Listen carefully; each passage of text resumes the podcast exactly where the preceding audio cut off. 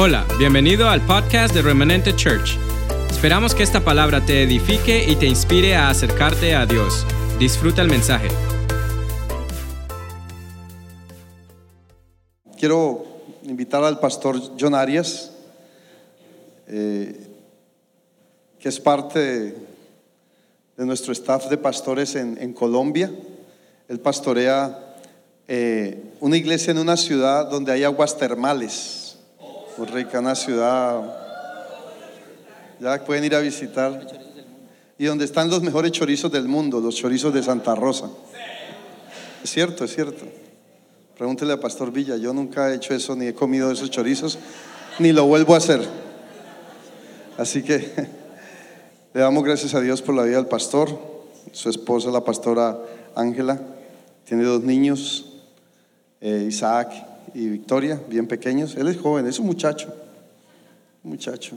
No Ya. parece, pero. No parece, pero Dios te bendiga. Muy buenos días. ¿Qué pasó? ¿Los aburrí? No, buenos días. Eso sí, eso es remanente, muy bien. Bueno, estoy muy contento de, de estar acá. Yo siento este lugar como mi casa. Y quiero que me acompañen en una oración, ¿le parece? Que oramos. Ustedes van a orar por mí, ¿ok? ¿Listo? De ustedes depende cómo salga esto, ¿ok? Vamos a orar. Padre, te damos gracias en esta hora, bendito Dios, porque es por tu gracia y por tu misericordia que estamos aquí. En el nombre de Cristo Jesús declaramos que esta palabra, Señor, no la va a decir un hombre, papá, sino tu poderoso Espíritu Santo. Que hoy tu palabra, Señor, es como fuego y martillo que quebranta la roca. Que hoy prepara nuestro corazón, Señor, como el buen terreno que has decidido tener o poner en nosotros para que tu semilla dé fruto al 30, al 60 y al 100 por uno. Reprendemos, Señor, todo acto del enemigo que quiera robar la semilla y la palabra que hoy viene para tus hijos. Hoy yo la recibo como ellos. Hoy exaltamos el nombre de Cristo. Hoy le alabamos a Él, al príncipe de paz, al lucero de la mañana, aquel que hace todo posible, aquel que todo lo llena en todo. A ti sea la gloria y la honra por los siglos de los siglos. Amén y amén. Muy bien, hoy quiero compartir con ustedes algo referente a propósito, ¿ok? Dígale que está a su lado, vamos a hablar de propósito. Y sé que muchas veces hemos hablado de propósito, ¿verdad? Creo que es la palabra más famosa en la iglesia, propósito. Y desde que conocemos la palabra de Dios hemos entendido que tenemos un propósito. Y ese propósito es un diseño original que no se repite totalmente particular para su vida y para la mía. De- mí- Mírele, mire el que está a su lado un momentico. Mírelo un momentico, detállelo. Y dése cuenta que la persona que está al lado tiene un propósito totalmente original y diferente al suyo. El suyo es absolutamente original. No hay dos propósitos iguales. Estamos aquí. Eso está clarísimo. Sin embargo, hoy yo te quiero hablar de cómo nuestro propósito está unido al de otras personas. De cómo lo que hacemos dentro del propósito establecido por Dios afectará positivamente a otras personas. Y de hecho, activará los diseños trazados por Dios para esas personas. Y tenemos aquí un gran problema.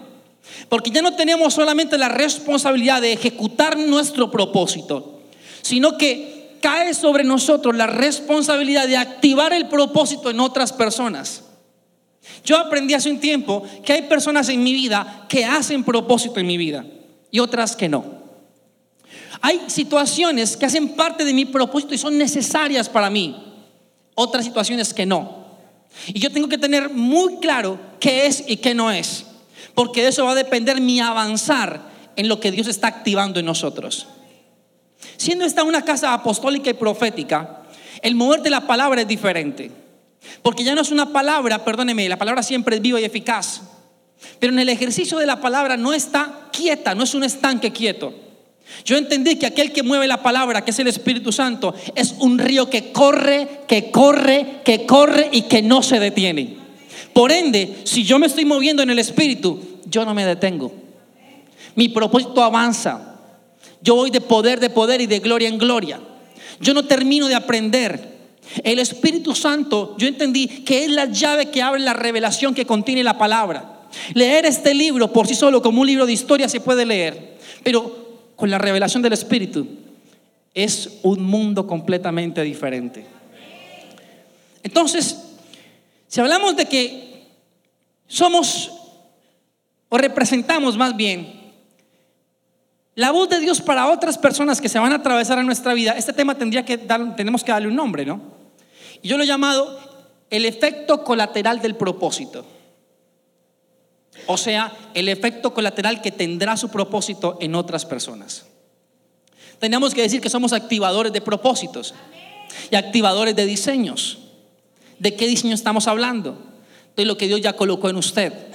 ¿Sabe? A veces creemos que Dios tiene que hacer algo. No, ya, ya hoy en día no tiene que hacer nada. Él ya lo hizo todo. Él nos es más que suficiente. Él nos es necesario. Él nos es vida. Él nos es verdad. Entonces, si Él me es más que suficiente y Él ya lo hizo todo, es mi trabajo activar lo que Él ya hizo. Es decir, yo quiero que el día de mañana usted llegue a la presencia del Rey de Reyes y Señor de Señores diciendo, yo hice aquello para lo que fue enviado a la tierra. No solamente trabajé, fui bendecido y prosperado, yo realicé la obra que tú me encomendaste. Y mi carta de presentación son las almas que hoy están también delante de ti. Yo quiero que Él diga, buen siervo y fiel, en lo poco fuiste fiel, en lo mucho te pondré. Yo quiero que Él diga, lo que tenías que hacer lo finiquitaste, lo hiciste, bendito. Oh, yo quiero eso. Yo anhelo eso. Algunos aquí serán muy prosperados, otros no tanto. Dios va a dar una medida a cada uno. ¿Quiere que le diga algo? En un país como eso, tan bendecido y de tanto correr, en el reino es lo menos importante. Porque muchos nos afanamos por conseguir algo cuyo fruto en el cielo no se va a ver. Escúcheme, usted no tiene que perseguir una bendición. Las bendiciones ya lo alcanzaron a usted. Así que vamos por el reino. No persigamos la bendición. Vamos por lo que no hemos alcanzado. ¿Sabe qué es? El reino de Dios y su justicia. Vamos por eso, vamos por el reino. Porque si no lo conquistas tú, lo conquista otro, ¿sabes? Yo quiero estar en ese epitafio que diga, aquí, estos son los que conquistaron el reino de Dios. Y esté ahí grabado con un cincel mi nombre. Y diga, John Arias conquistó el reino de Dios. Y quiero que el de usted también esté. Porque tenemos una casa a la que Dios le dio una unción particular. Una unción de revelación y poder. Hay un gran hombre no recuerdo el nombre en ese momento, se me fue el nombre. Empieza por John, un gran predicador de hace muchos años. Y él decía que es tanta la unción que debería haber en nosotros, que nosotros camináramos y fuera como una llama pasando por hierba seca. Que por donde usted pasara se encendiera el fuego de vida eterna y el Espíritu Santo en ellos. Y así debería ser. Esa es la luz que yo tengo que reflejar. Entonces, si usted hoy sale convencido de que además de su propósito, hay gente que se va a atravesar en su camino, que le va a estorbar, porque tienen que hacer parte de lo que usted es, usted va a salir convencido de que su obra hoy no es otra. Haga obra de evangelista, traiga gente a la iglesia. No es otra cosa. Son las coronas que Él quiere que usted reciba en los cielos. Las coronas a las que tenemos derecho si hacemos nuestra obra hoy vivimos en un evangelio muy light. Porque pedimos y pedimos y pedimos y queremos un Dios omnipotente que nos conceda todo, pero no nos gusta el Dios soberano que nos dice, haz esto aunque no te guste. ¿Cierto que sí? ¿Sabe? Mire, yo quiero que hoy Dios traiga convencimiento a su corazón de que aún estamos dormidos y que nos falta despertar y que lo que Él ya provocó en nosotros para que despertemos quiere salir, quiere explotar, quiere brotar, quiere emerger y se llama el Espíritu Santo de Dios. Y aquel que levantó de los muertos a Cristo hoy mora en nosotros y es más poderoso que el que está en el mundo. Amén. Aleluya. Comienzo con esto. Quiero que vayamos a primera, eh, primer libro de Reyes, capítulo 17, versículo 1. Vamos a enfocarnos ahí. Saque su Biblia, saque su celular, saque su tabla desempolve su Biblia, la que tiene allá en el atril en su casa, en el Salmo 91. hágale, soplela. Y váyase a primera de Reyes, capítulo 17, versículo 1. Esa historia usted la conoce, usted la conoce, pero quiero que hoy le demos una connotación mucho más amplia. Vamos a iglesia, amén, dígame amén. Dice, entonces Elías Vita, que era de los moradores de Galaad, dijo acá, vive Jehová Dios de Israel, en cuya presencia estoy, que no habrá lluvia ni rocío en estos años, sino por mi palabra. Repita conmigo, por mi palabra. ¿Sabe cuánto poder? Yo, no se puede decir cuánto poder había en Elías. Se tiene que decir cuánto poder hay en nosotros. Juan 17 dice que nosotros contenemos la gloria de Dios mismo. Que Él se hizo uno con nosotros como Él es uno con el Padre. Así que yo contengo esa gloria. Y esa palabra de poder que usó Elías no fue otra cosa que lo que ya había en Él. Así que recuerde eso. Dice que no habrá lluvia ni rocío, sino por mi palabra. Y vino a él palabra del Señor diciendo, apártate de aquí, vuélvete al oriente, escóndete en el arroyo de Kerit, que está frente al Jordán beberás del arroyo, y yo he mandado que los cuervos, que, a los cuervos que te den allí de comer. Él fue, hizo conforme a la palabra del Señor, pues se fue, vivió junto al arroyo de Kerit, que está frente al Jordán, y los cuervos le traían pan y carne por la mañana, y pan y carne por la tarde, y bebía del arroyo.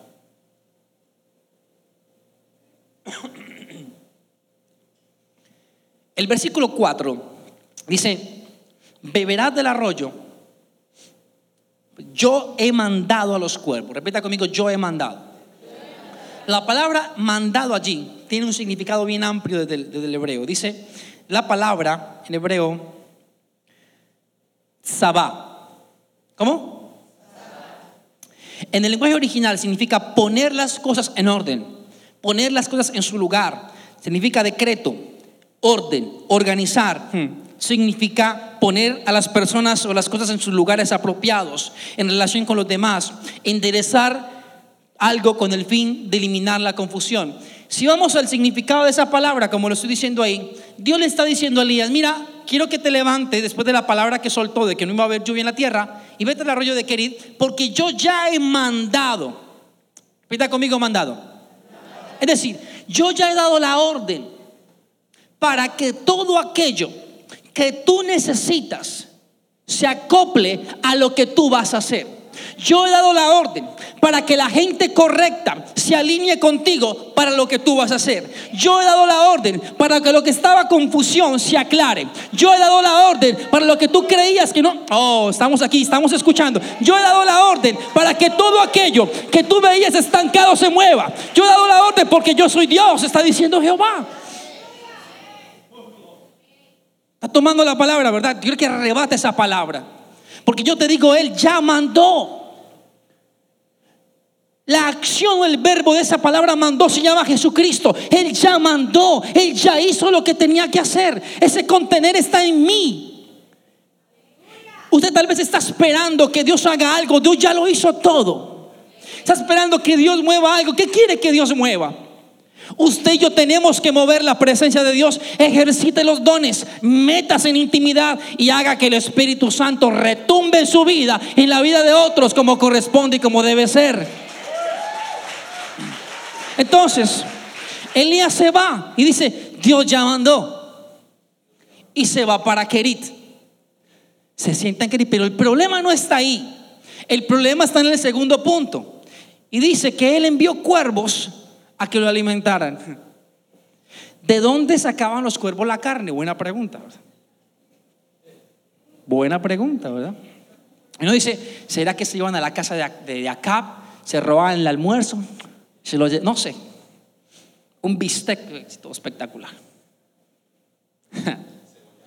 Lo más tremendo es que en ocasiones, le voy a poner en contexto, Dios le estaba diciendo que iba a usar un animal inmundo para su, para su cultura, que comía carroña, y que lo iba a alimentar a través de ese animal. Usted está entendiendo, ¿verdad? Y uno dice, ¿cómo sería la confusión de Elías? Pensaría uno, que Dios le dijo que iba a usar un animal inmundo para alimentarlo. ¿Sabe? Me encanta cuando Dios te rompe el formato. Porque lo que Dios está diciendo allí es, yo soy Dios y hago lo que quiero, como quiero, cuando quiero, con quien quiero.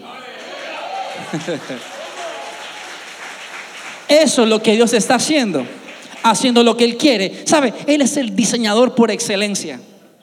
Le está rompiendo el formato, está liberando a Elías en su, en su pensamiento. Elías no tenía problema en obedecer, pero estoy seguro que algo lo puso a pensar. Cuervos. Qué raro esta instrucción.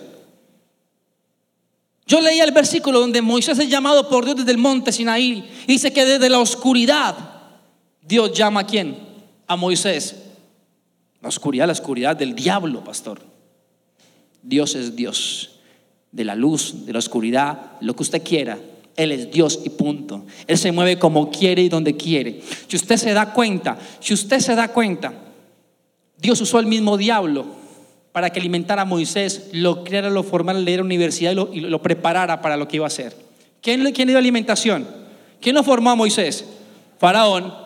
¿Quién era Faraón? El mismísimo diablo. Ajá. Le escondió en las propias narices de Faraón al Salvador de, de Israel. Y puso al diablo a que lo alimentara. Cristo nace. ¿Y qué hace? ¿A dónde lo envía Dios a Jesucristo cuando nace? Ajá. Volvió y se lo escondió en las narices. ¿Sabe por qué? Porque cuando Dios quiere hacer algo contigo, al mismo diablo lo va a poner a trabajar para ti. Ese es el poder que tiene el Dios que tenemos.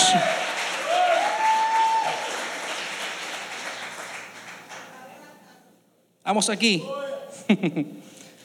Ahora no es que usted vaya a empezar a orar, Dios manda el... No, no, no.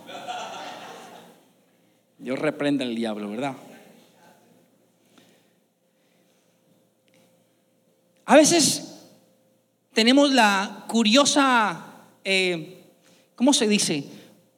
Actitud de condicionar a Dios. Es muy lógico. Yo creo que eh, a veces creemos que Dios no es un Dios de razón, sino de cosas raras y lógicas. Dios también es un Dios de razón, también es un Dios lógico. ¿Ya? Dios puede sanar tu enfermedad a través de un médico buenísimo y una muy buena medicina, o puede sanarte un día que te levantaste, y te dio un cólico y quedaste listo. Es Dios. O puede sanarte aquí con la imposición de las manos, fuego del cielo, ay, todo el tema. ¿Sí? Es Dios. Él, él actúa como Él quiere cuando Él quiere. Pero a veces somos arrogantes cuando queremos encasillar a Dios en cómo Él debería actuar. Y nosotros pedimos algo a Dios, ¿verdad? Y decimos, Señor, Mira, a veces no oramos, a veces hacemos un monólogo. Perdón, un monólogo. Entonces, Dios, ayúdame y necesito este dinero. Y si lo consigo por aquí con mi hermano, sí, sí, porque si no, me cobran muy caro en el banco, pero, pero es que no tengo, no, pero no, es que él no me habla hace dos años. No, y, si, y, y pasamos una hora en un monólogo interno y no oramos. Porque queremos que lo que estamos pidiendo Dios lo haga como nosotros creemos que Él debería hacerlo. Eh, yo escuchaba a un hombre dando una conferencia en una facultad de filosofía y el hombre decía una frase que me pareció extraordinaria. Él eh, es teólogo, habían teólogos allí, habían filósofos. Y él está hablando de cómo el hombre es eh, en su ego y en su altivez con Dios orgulloso. Y él tiene una frase sarcástica diciendo, ¿cómo se atreve Dios a no emplear su poder a favor del hombre todopoderoso. Vamos aquí entendiendo, ¿verdad?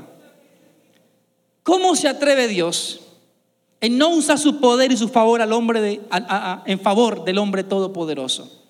¿Cómo se atreve Dios? Porque nos colocamos en una posición de que queremos el Dios omnipotente, pero no queremos el Dios soberano. ¿Sabe algo? El problema aquí no es Dios, somos nosotros. El problema es que nos tomamos a nosotros mismos como la medida de todas las cosas y quiero bajarle de ese tren. Aquí lo que se hace en el reino no es por usted ni por mí, es por Él. Lo que se hace aquí no es por usted ni por mí, es para Él. Todo es acerca de Cristo, todo es por Él, porque Él es el que es más que suficiente, ¿sabe?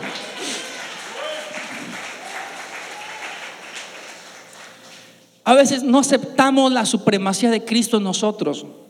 La palabra dice en, 2 de Corintios 10:4 dice que debemos debemos llevar cautivo todo pensamiento a la obediencia a Cristo, así no entendamos. A veces no vamos a entender o no necesitamos entender, necesitamos obedecer.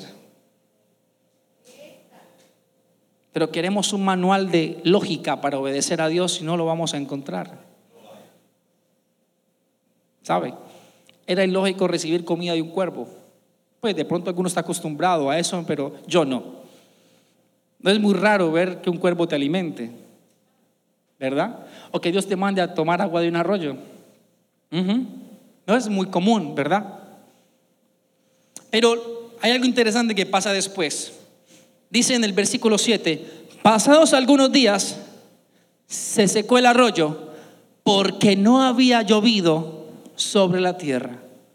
¿Por qué no había llovido? Porque hace unos versículos anteriores él había dicho que no iba a llover, sino por qué? Por su palabra. Dios te va a llevar a tomar, uy, Dios está hablando, escúcheme. Dios te va, Señor, Dios te va a llevar a tomar decisiones que traerán un despliegue sin detenimiento, sin parar, de otras cosas que han estado estancadas en tu vida. Cuando vas a llegar a un punto, vas a llegar a un punto donde no vas a poder retroceder donde vas a decir, ¿qué estoy haciendo? Y vas a decir, ya no puedo volver atrás. Me es imposible. Dios perdió, borró el camino para que no retrocedas. Vas a entender que eso era lo que faltaba, que una decisión era la que faltaba. ¿Se da cuenta? Solo una cosa va a detonar. En, Colombia hay algo que se llama culebra, que es una cosa de puras papeletas, de pura, de pura pólvora, que cuando se la prende, no hay quien la apague ya. Si la aprendió, corra. ¿Mm? Y así lo veo yo. Solo basta, en ocasiones es así. A veces hay que organizar cosas, pero en otras ocasiones llegan a un punto donde solo basta tomar una decisión. Y lo demás, vénganos en tu reino. Esto pasó, él tomó la decisión, decretó la palabra y el arroyo se secó. Ahora bien, a veces quisiéramos que el arroyo volviera a tener su cauce. Yo creo que la decisión de Elías pudo haber sido arrodillarse y se había hecho, si, era el profeta del fuego, podía haber orado para que el arroyo qué? Volviera a tener agua. Dios ha cerrado ciclos en su vida que a veces queremos abrir. Y yo no entiendo por qué queremos torcer la mano de Dios para que haga lo que yo pienso que debería hacer. Hay ciclos que Dios ya cerró en tu vida que no tienes derecho a volver a abrir porque le costó mucho y te costó mucho. Hay áreas en tu vida donde ya conquistaste, ya venciste y hay algo que te está endulzando el oído para que vuelvas a comenzar el mismo círculo vicioso. Él no tenía por qué orar para que el arroyo se volviera a alimentar. Él tenía que levantarse, escuchar la voz de Dios y irse de allí. ¿Sabe por qué? Porque en muchas ocasiones, aún hoy, Dios está provocando que ese arroyo del que te has apegado tanto tiempo se seque. De que ese apego que tenías hacia eso, que te puede estar deteniendo, se seque. Y yo declaro en el nombre de Jesús, no estoy hablando de, finanzas ni nada de esto. A veces tornamos todo hacia las finanzas. Lo de situaciones y áreas en nuestra vida. Yo te digo hoy, hay cosas que se van a secar en tu vida con un solo objetivo, obligarte a avanzar, obligarte a moverte, a que se despierta, a que se sacuda.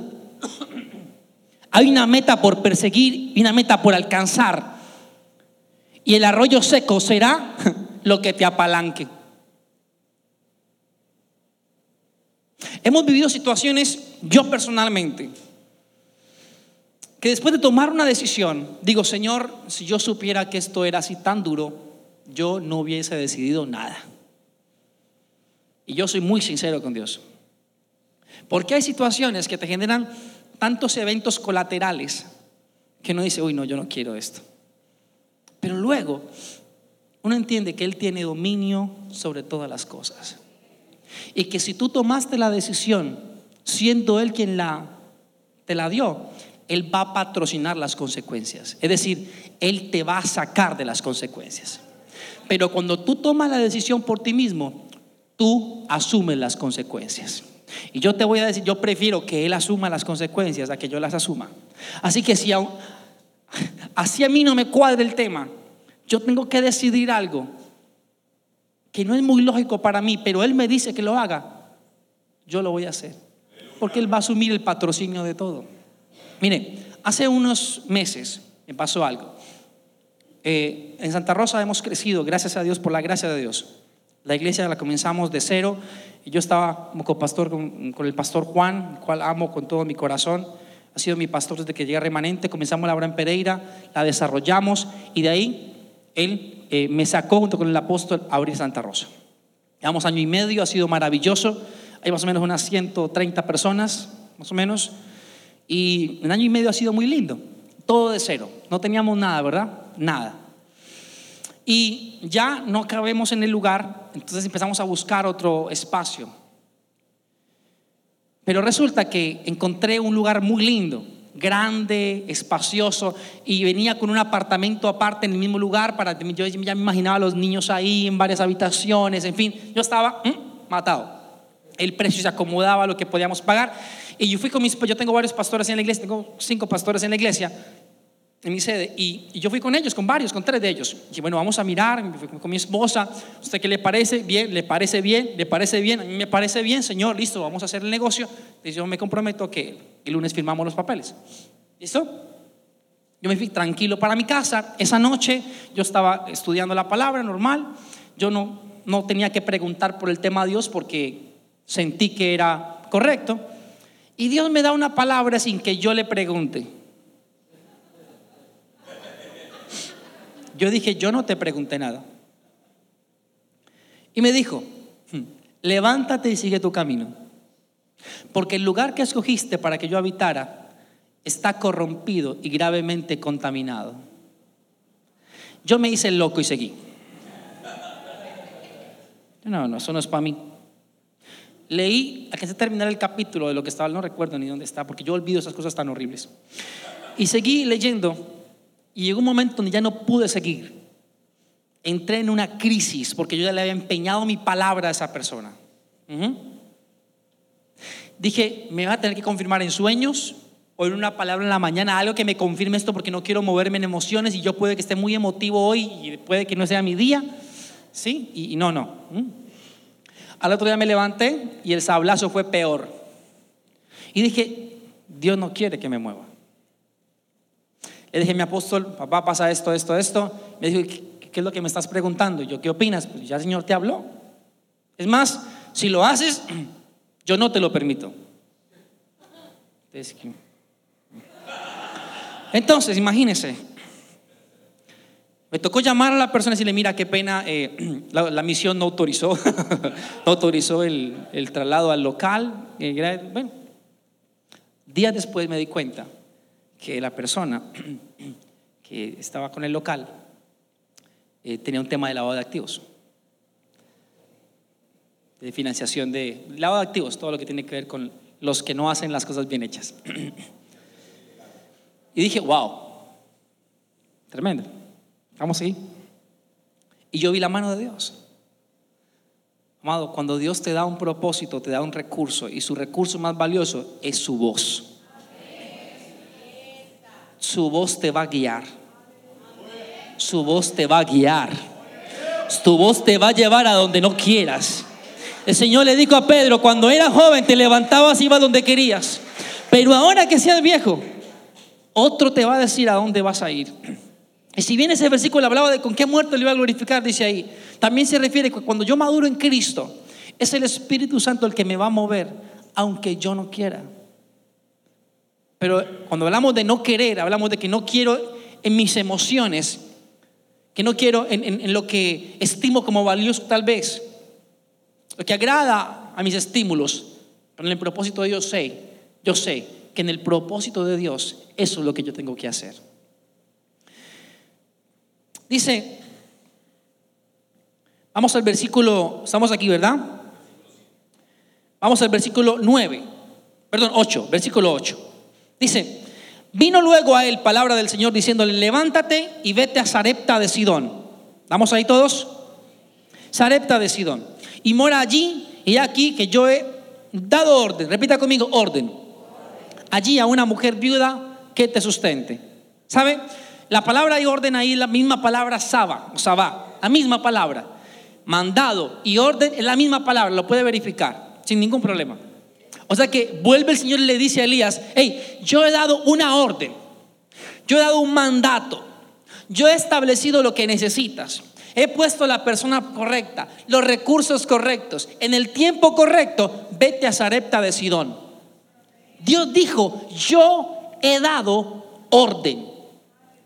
¿Quién no obedece cuando Dios habla? ¿Quién no obedece cuando Dios da una orden? Todo, aún lo natural, corre antinatural cuando Él da una orden. O pregúntele a Jesús cuando le ordenó al viento y a la, la tormenta que enmudeciera y callara. Él hizo de una ley natural algo antinatura, Él la reversó. O pregúntele a Lázaro cuando estando ya en muerte, cuatro días después, Él lo levanta y vuelve una ley natural, algo antinatura. ¿Sabe por qué? Porque Él es Dios. Él no se mide con nada, Él nada lo condiciona, Él nada lo somete, Él nada lo cuadra. Mire, le voy a explicar algo. Esta es nuestra mente. Nuestra mente es como una línea. Cuando usted mira las cosas desde un plano, solo podemos verlo desde uno, este lado. ¿Usted le alcanza a ver este lado? Muy delgadito, ¿verdad? Así, en ese plano vemos nosotros las cosas. Pero cuando Dios las ve, Él no ve ese plano. Él ve un cubo. Él ve los seis planos. Entonces nosotros somos tan osados de pensar de que este plano, como yo veo las cosas, así es como va a ser. Y Dios dice, hey, te recuerdo algo mis pensamientos son más altos que tus pensamientos y mis caminos más grandes que tus caminos. Yo veo las cosas desde una perspectiva sin tiempo. Así ve las cosas Dios. Déjelo a Él ser Él. Deje a Dios ser Dios. Y pongámonos en el papel de ejecutores de sus propósitos. Así de simple. Él se levanta porque Dios le da una orden. Dios le consigue una viuda rica que lo alimente. Ajá. ¿Qué pensaría usted? Hay una viuda que te está esperando para alimentarte. Acabo de enviudar, tiene la herencia, para adelante para allá. ¿Mm? Y él se va a encontrarse con la viuda rica, ¿verdad?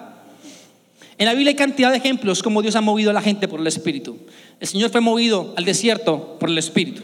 Abraham fue sacado de Ur de los Caldeos por el Espíritu. Moisés y Israel fueron sacados de Egipto por el Espíritu. ¿Estamos aquí? Él se va porque el Espíritu lo movió a encontrarse con la viuda rica. ¿Llega a dónde? Versículo 10. Se levantó, se fue a Sarepta de Sidón. Cuando llegó a la puerta de la ciudad, de aquí una mujer viuda que estaba allí recogiendo leña. Él la llamó y le dijo: Tráeme un poco de agua en un vaso para que beba. Y yendo ella para traérsela, él la volvió a llamar y dijo: También tráeme un bocado de pan en tu mano. Ella respondió, vive Jehová tu Dios que no tengo pan cocido, solamente un puñado de harina tengo en la tinaja y un poco de aceite en la vasija. Y ahora recogía dos leños para entrar, prepararlo para mí y para mi hijo y para que lo comamos y nos dejemos morir. Uno puede pensar hay dos cosas. Una, me equivoqué de viuda. Esta, le pregunté a la que no era, me embalé. Le pregunté a la viuda equivocada. O dos, Dios se equivocó. ¿Será que sí dijo Sarepta de Sidón? ¿O qué dijo? ¿Será que me equivoqué de ciudad? ¿Será que escuché mal la voz de Dios? ¿Será que me confundí en mis emociones y me moví emotivamente? ¿Sabe por qué puede preguntarse eso? Porque el contexto que nos rodea es el peor enemigo de la fe. Lo que usted está viviendo hoy es el peor enemigo de su promesa. Todo lo que lo está rodeando le dice a usted, todo lo que le está rodeando le está gritando, Dios no va a cumplir lo que prometió. Lo que está viviendo internamente en sus conflictos le está gritando y le está diciendo, Dios se va a tardar en darle lo que usted está pidiendo. Le va a tocar hacerlo usted mismo. Deje de estar esperando. Estamos aquí. Porque el contexto no le sirve de nada en este momento. Cuando Sadrach, Mesach y Abednego estaban frente a Nabucodonosor y le digo, póstrense o si no, van al horno de fuego. ¿Qué respondieron ellos? De acuerdo al contexto, de él no haberse postrado, ¿verdad? Para salvar su vida. Pero dijeron, no. ¿Sabe, rey, con todo respetico, no nos vamos a postrar. Porque mi Dios me puede librar del horno de fuego. ¿Sabe qué? Es más, aunque no nos libre, no nos postramos. Eso es una fe de hierro. ¿Sabe? La fe que usted tiene hoy debe ser diferente a la fe que tenía hace cinco años. Hace cinco años enfrentaba unos problemas y tenía una medida de fe. Hoy la palabra tiene que haber alimentado su fe. ¿Sabe por qué? Porque lo que usted enfrenta hoy es más grande que lo que enfrentaba hace cinco años. O dígame si no. Si su fe no está a la medida de lo que usted enfrenta hoy, usted va a perecer. Y la fe es por el oír y el oír por la palabra de Dios. O sea que yo necesito hoy aumentar mi fe porque mi problema se quiere enseñorear de mí. Cuando mi fe está aumentada, es más grande que mi problema. Yo no voy a clamar por mi problema. Yo voy a adorar a Dios porque mi problema es insignificante al lado del Rey de Gloria y del Rey de Reyes. Cuando mi problema es pequeño, es decir, yo veo mi problema pequeño. ¿Sabe? David jamás, jamás de los reyes de Israel o Judá, ningún rey hizo lo que David hizo. David no preguntaba si iba a ganar la batalla. Ay, vamos a consultar al profeta Tanatán a ver si, si, si vamos a ganar la batalla. No. ¿Sabe por qué? Porque él adoraba. En su tiempo de intimidad y adoración con Dios, él salía absolutamente convencido de que iba a ganar esa, esa, batalla.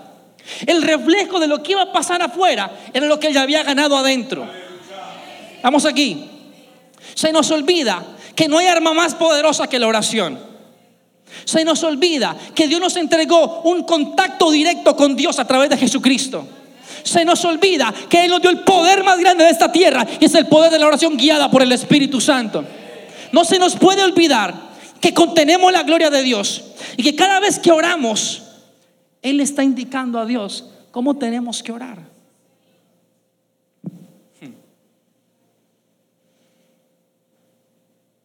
Este hombre capta que hay algo que Dios quiere hacer con la vida y aquí voy terminando ya. Él capta que la viuda no vino a ser bendecida por él. A veces pensamos que Dios mandó a Elías a bendecir a la viuda. No. Dios dijo, ¿y yo he dado qué? Orden. O sea que la viuda tenía ya su bendición por Dios. La viuda podía suministrarle provisión a quién? A Elías. Pero había algo que detenía eso. ¿Sabes qué es lo que está deteniendo tu mover en Cristo? Tu mover en Dios. ¿Qué está deteniendo el propósito ajustado de Dios para ti. ¿Qué está deteniendo? Que colateralmente tu propósito impacte a otras personas. ¿Qué está deteniendo? Que te desarrolles integralmente como el siervo de Dios que seguramente eres. ¿Qué está deteniendo? Que tú... Ah, Dios le está hablando, yo sé que Dios le está hablando. ¿Qué está deteniendo? Que esto avance como un río y que no se quede como un estanque. Porque estamos aquí para multiplicar su gloria. Amén. Entonces, él nota que hay algo particular y le dicen, no tengas temor. No tengas temor. Hemos ido a charlas motivacionales y nos dicen, no tengas temor, sé positivo. Eso y nada son dos nadas. ¿Sí? ¿Sabe por qué? Porque si la palabra que yo recibo no está anclada a la palabra de Dios, no hay vida en esa palabra. Si yo te digo a ti, no tengas temor, sé positiva, porque así te dice el Señor.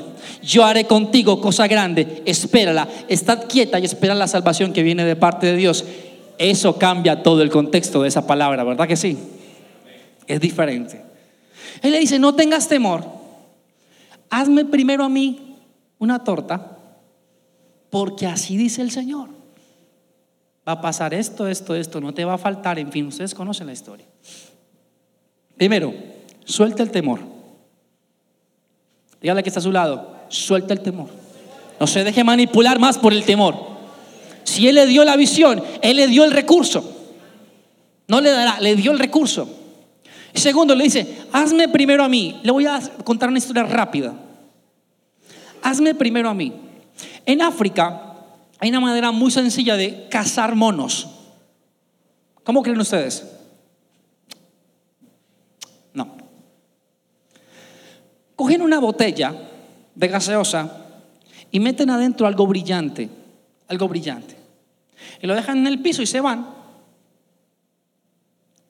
Cuando vuelven, el mono está con la mano metida en la botella, agarrando la cosa brillante, intentando salir, sacar la mano de ahí. La botella está amarrada a algo, obviamente. El mono solo tiene que soltar, sacar la mano e irse, pero no lo hace. Los aldeanos simplemente llegan, recogen el mono y a la olla. A nosotros nos pasa a veces eso.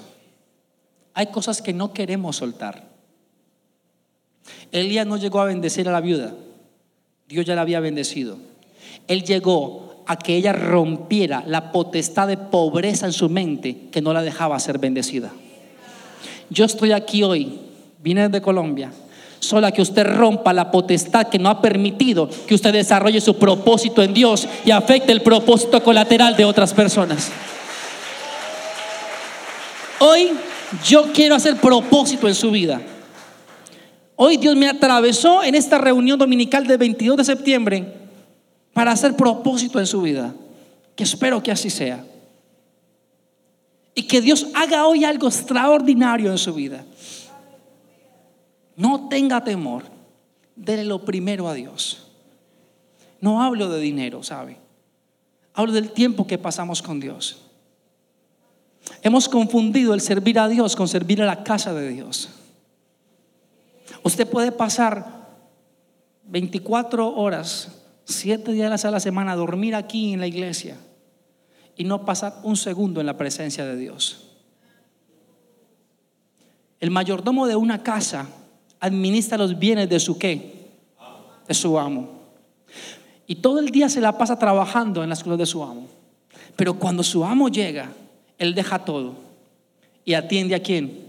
A su amo. Servir a Dios no es estar metido en la iglesia.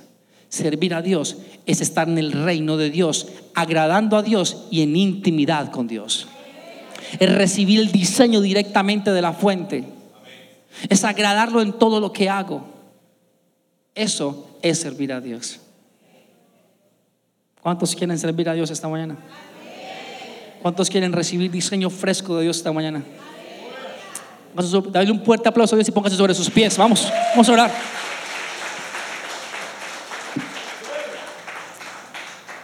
Vamos a, levantar nuestras manos y me pueden bajar un poquito las luces, fantástico, si no, no hay problema. Vamos a levantar nuestras manos y vamos a darle gracias a Dios en esta mañana. Porque yo sé que sé que el Señor ha hecho una obra en tu corazón esta mañana que no puedes dejar perder. No somos cualquiera, escúcheme. Somos reyes y sacerdotes, dice la palabra. Multiplicadores de gracia activadores de propósitos, activadores de diseño. No somos cualquiera. Y mi labor más importante es hacer obra de evangelista. Quiero que, quiero que usted le diga a Dios en esta mañana, con sus ojos allí bien, bien, bien, bien metido en Dios, que usted quiere ser una, un obrero activo en la obra del reino. Que usted quiere multiplicar lo que Dios le ha entregado. Que usted quiere realmente sentirse vivo, tener ese fuego y decir, Padre, tal vez no esté parado en una tarima predicando Tal vez no vaya a las naciones, pero donde tú me coloques, en mi boca estará la palabra del Dios vivo en el nombre de Jesucristo. Yo levanto mis manos a ti porque sé que siempre me oyes, Señor. Porque sé que tú siempre haces tu obra poderosa en nosotros. Espíritu Santo, en el nombre de Jesucristo, comienza a activar propósitos en esta hora. A moverte en la unción preciosa que sabes moverte. Espíritu Santo, comienza a activar diseños en esta hora. Comienza, Espíritu Santo, a moverte en el corazón de tus hijos a darles el entendimiento claro y mayor de que todo lo que tú has puesto hoy en ellos es para que se active, para que se haga y para que se cumpla. Hay muchos aquí que están tomando decisiones. En el nombre de Jesús. Hay muchos esta mañana que están determinando acciones. Hay muchos que han hoy adquirido entendimiento sobre algo que les estaba pasando pero que hoy ya tienen claridad sobre ello. Oh, sí, Señor. Algunos se les ha secado el arroyo. Estaban preocupados por hacer que volviera a moverse. Y han entendido que Dios lo ha provocado para que Él se moviera en el Espíritu. Otros han entendido que no pueden dormir más. Despiértate, iglesia, porque es tiempo de hacer lo que Dios nos encomendó hacer. Padre, gracias, bendito eres, Señor. Tú eres maravilloso, Jesús. Tu obra es perfecta en todo lo que haces. Declaramos que tú vuelves a colocar otra vez y otra vez y otra vez el llamado que desde muy joven me hiciste. Porque yo no fui llamado a estar solamente metido en la iglesia. Fui llamado a traer gente a la iglesia, a multiplicar la salvación que me has dado, a hacer conforme a tu obra en el reino. Yo fui llamado a hacerlo sobrenatural. Bendito eres, Señor. Bendito eres, Señor.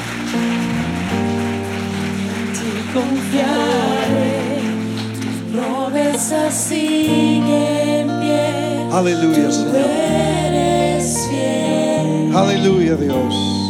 confiado andaré. Camina confiado esta semana que viene.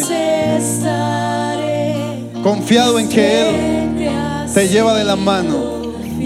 Cada cosa simple que tú hagas durante esta semana, reconoce que Él está contigo. Él no te abandona. Él no te abandona. Y es una promesa y Él no falla sus promesas.